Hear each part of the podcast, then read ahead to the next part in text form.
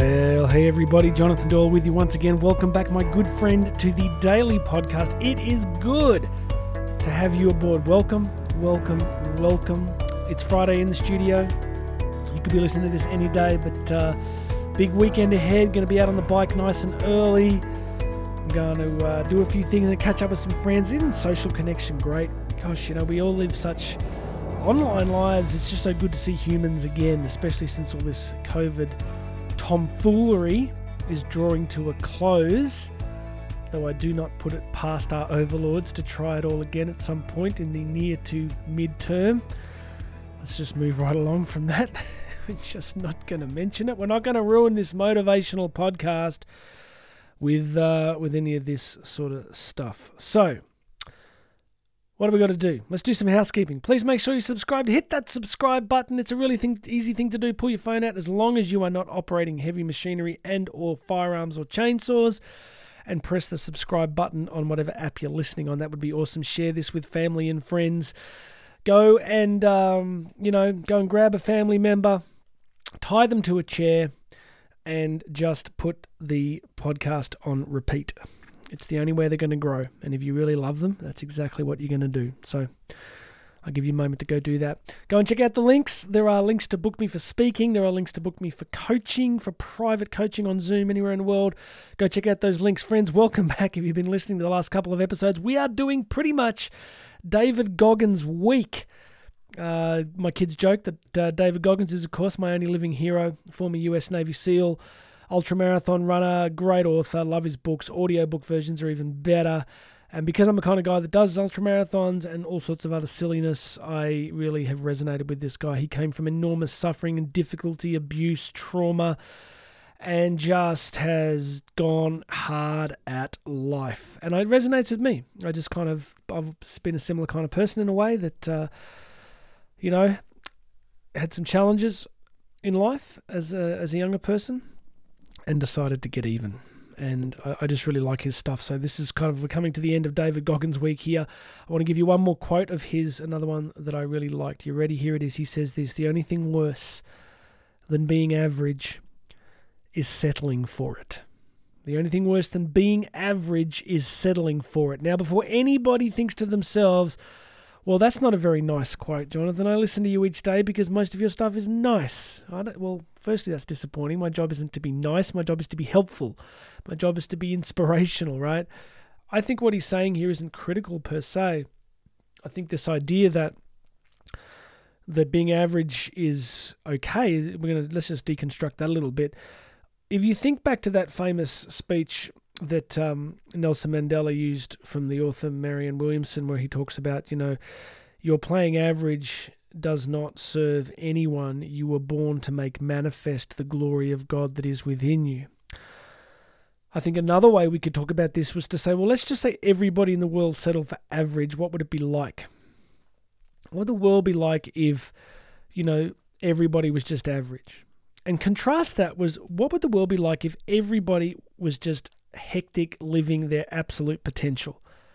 I mean, it's a no brainer, right? I don't know it's a binary question, but if everybody was living their potential, the world would be a remarkably different place. And I don't think God is looking up, looking at us, thinking, you know what, my hope for humanity is that everybody stays average. I think one of the ways you can think about how God thinks about us is to think about if you're a parent, think about it from the parenting perspective. Have you ever looked at one of your children and said, you know what, I love that kid so much I just hope that they grow up to be really, really average. Don't say that, right? When you see your kid excelling and growing, it's awesome. It's like you see your kid trying new things and having great experiences and positive relationships and unleashing their potential. Like, you know, one of my my my eldest daughter is just a, an amazing student. Like, she's just such a sharp, intelligent kid, and she can just study and study and learn and learn and seeing her at the moment now, she's only young and she's just this week finished reading Plato's Republic. At I don't know how old she is, like 15 or something, and, and just loving it, right? And she's 15 and just started her own business. And I'm like, uh, seeing her pursue this potential that's in her is amazing. My my son, you know, is just love. An incredible musician, and my my younger daughter, and just seeing her talents grow. As a parent, you want them to excel, not because you want it so much for yourself, you want it for them. So I say that because I really believe that God's looking at all of us, cheering us on, right? Really cheering us on, going, those skills and capacities and talents you have, I gave them to you for a reason. I gave them to you for a reason. So I think those things are incredibly powerful to think about. And let's just remind ourselves of this quote the only thing worse than being average is settling for it. You know, settling for it is is a kind of death, isn't it? I used to listen to this preacher, and I remember a few times he told this story about a farm that he used to drive past. And I think from memory, this farm had a lot of thistles. I drove past it too, and this is a true story because I remember seeing the sign. And they had named their farm Thistle Do. Thistle Do.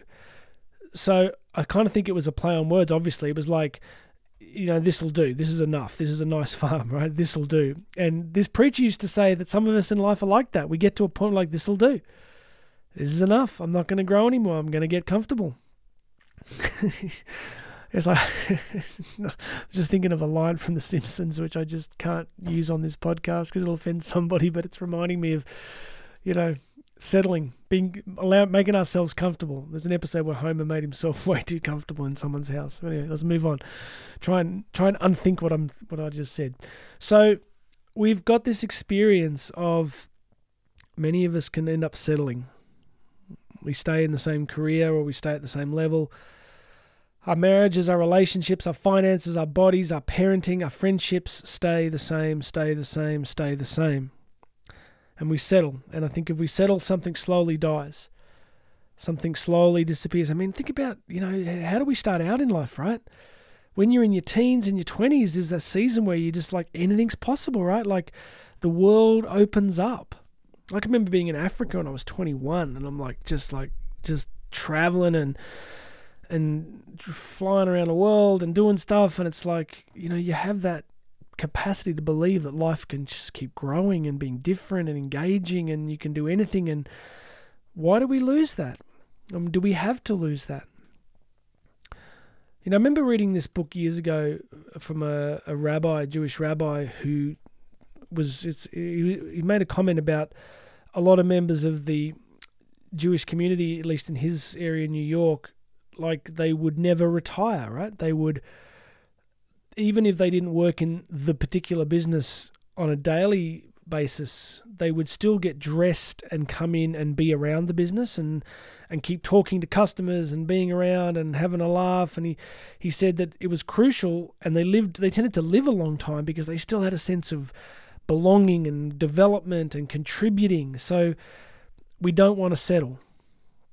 So if you're listening to this today, come and join me on the journey because you know, I feel this pretty deeply. I don't want to settle. I don't want to settle. I was talking to someone recently, you know, because I'm I'm turning 50 this year. Not that I keep mentioning it. Not that it's messing with my head, but I mentioned, you know, the other day that I I'm sort of, you know, the the training load that I've been doing for years is getting harder, and it's like the guys that I race against and train with are getting younger. And they said, "Oh, you know, when are you going to stop? You can't pursue this forever." And it's a good question. It's a fair question because I was like, yeah, "It is a good question, actually." And I thought, I don't really know the answer to that. I'm just going to keep going. I'm just going to keep going. I'm just going to answer it by saying I'm going to keep going. And then if somehow I'm compelled to stop at some point, then I'll pivot to something else. There's a guy called Percy Cerutty who wrote a great book called Why Die?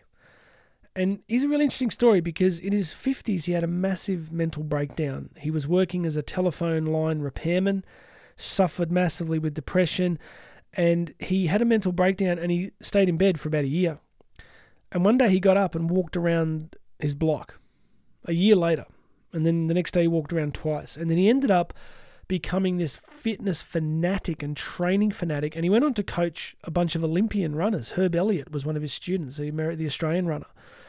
And when I read that book, it, it was just a guy who'd kind of he'd collapsed into average and into complete implosion, but something within him was strong enough to suddenly pull him out of it and propel him into this incredible capacity for massive change. So it's remarkable to see that you know, some people can really get to that point and then finally press through. So I want to encourage you today if anything's feeling average or stuck or stale, worse than your situation is the risk that you might stay there. So I want to shake you up. I want to tell you to go forward today, to try something, to join something, to order something, to do, take one concrete action today that will move you forward from average and start to unleash that incredible potential that is within you. It is time to move, my friend. It is time to move. The only thing worse than being average is settling for it. You are not a settler. If you are listening to this kind of content, it's because you are not a settler. You are not going to settle. You are going to press forward a little bit more to unleash that potential and bless the world with it. All right. Please make sure you've subscribed. Go check out those links. Book me for coaching, book me to speak at events. Make sure you've subscribed. My name is Jonathan Doyle. This has been the Daily Podcast, and you and I are going to talk again tomorrow.